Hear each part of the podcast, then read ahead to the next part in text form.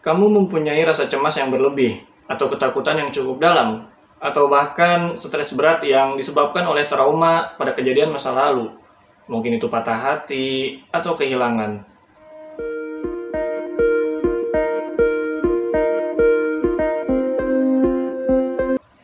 Kita tidak pernah tahu apa yang pernah dialami oleh seseorang di masa lalunya, sehingga kita tidak bisa menilai kepribadian seseorang hanya dengan sebatas penglihatan saja. Buat kamu yang memiliki stres pasca trauma atau bahkan teman kamu ada yang sedang mengalaminya, mungkin kamu bisa menyembuhkannya dengan terapi Morita. Apa itu terapi Morita? Terapi Morita adalah sebuah terapi yang berpusat pada tujuan dan fokus mengajari kita untuk menerima emosi atau perasaan tanpa berusaha mengendalikannya. Terapi ini diciptakan oleh seorang psikoterapis bernama Masatake Morita atau lebih dikenal dengan Soma Morita. Di dalam terapi ini tidak hanya diajarkan untuk menerima emosi, tapi juga berusaha untuk menciptakan emosi baru yang berdasarkan tindakan, sebab perasaan akan berubah sebagai akibat dari tindakan. Kita akan diajarkan bagaimana caranya menerima keinginan, ketakutan, kecemasan, dan kekhawatiran, lalu membiarkannya pergi. Terapi ini ditulis oleh Morita di sebuah buku yang berjudul Morita Therapy and the True Nature of Anxiety-Based Disorder. Melalui sebuah dongeng, Morita menjelaskan gagasan untuk melepaskan perasaan negatif yang ada pada diri kita. Seekor keledai yang terikat tali pada sebuah tiang akan terus berjalan sekitar tiang pada saat berupaya untuk melepaskan diri, sampai ia tidak bisa bergerak dan melekat pada tiang tersebut.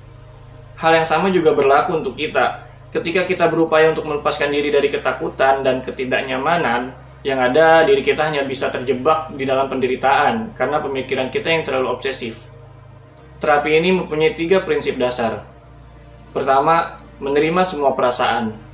Terlalu obsesif untuk menyingkirkan semua perasaan hanya akan membuat kita bertambah menderita.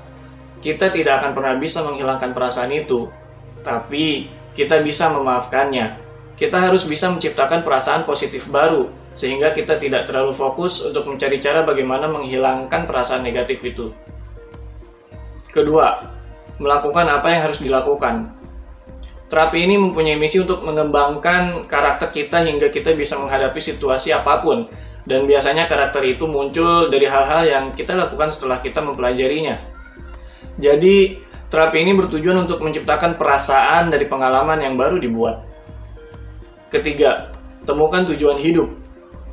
Kita tidak bisa mengendalikan emosi, tapi kita bisa mengendalikan apa yang kita lakukan setiap hari. Inilah kenapa kita harus memiliki tujuan di dalam hidup kita, agar kita tahu apa saja yang perlu dilakukan oleh kita saat ini. Terdapat empat fase di dalam terapi Morita ini. Biasanya, terapi ini berlangsung selama 15-21 hari. Yang pertama adalah fase isolasi dan istirahat Selama minggu pertama, kita ditempatkan pada sebuah ruangan tanpa gangguan eksternal. Tidak ada televisi, buku, keluarga, teman, atau percakapan. Yang tersisa hanya kita dan pikiran kita. Dalam fase ini adalah di mana kita harus bisa mengatur naik turunnya emosi yang terjadi, sampai kita merasa bosan dan mulai ingin melakukan kegiatan lain. Berarti kita siap untuk melanjutkan ke tahap terapi berikutnya. Fase yang kedua adalah terapi okupasi ringan, biasa berlangsung selama 5-10 hari. Pada tahap ini, kita diwajibkan untuk menulis catatan harian tentang pikiran dan perasaan secara berulang. Lalu, setelah seminggu di kamar tertutup, kita diperbolehkan berjalan-jalan di alam dan melakukan latihan pernapasan. Kita juga mulai melakukan aktivitas sederhana seperti menyirim tanaman atau menggambar.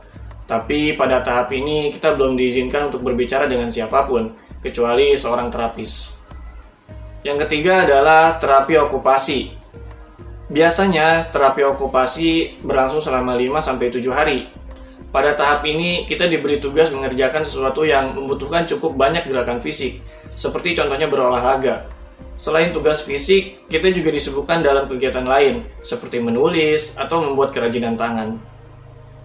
Dalam tahap ini, kita diperbolehkan berbicara dengan orang lain, tapi hanya sebatas yang berkaitan dengan tugasnya. Yang keempat adalah kembali ke kehidupan sosial dan dunia nyata. Ini adalah fase terakhir yang di mana kita diperbolehkan untuk pergi dari tempat terapi dan kembali ke kehidupan sosial. dengan tetap mempertahankan praktik terapi tentunya. Idenya adalah untuk masuk kembali ke dalam masyarakat sebagai orang baru dengan tujuan yang sama dan tanpa dikendalikan oleh tekanan emosional. Memang, terapi ini tidak bisa dilakukan seorang diri, butuh seorang terapis untuk membimbing dan mengontrol tingkat kemajuan kita. Gua Ajis Alfitri pamit, semoga bermanfaat. Jangan lupa share ke teman-teman kalian. See you in the next video.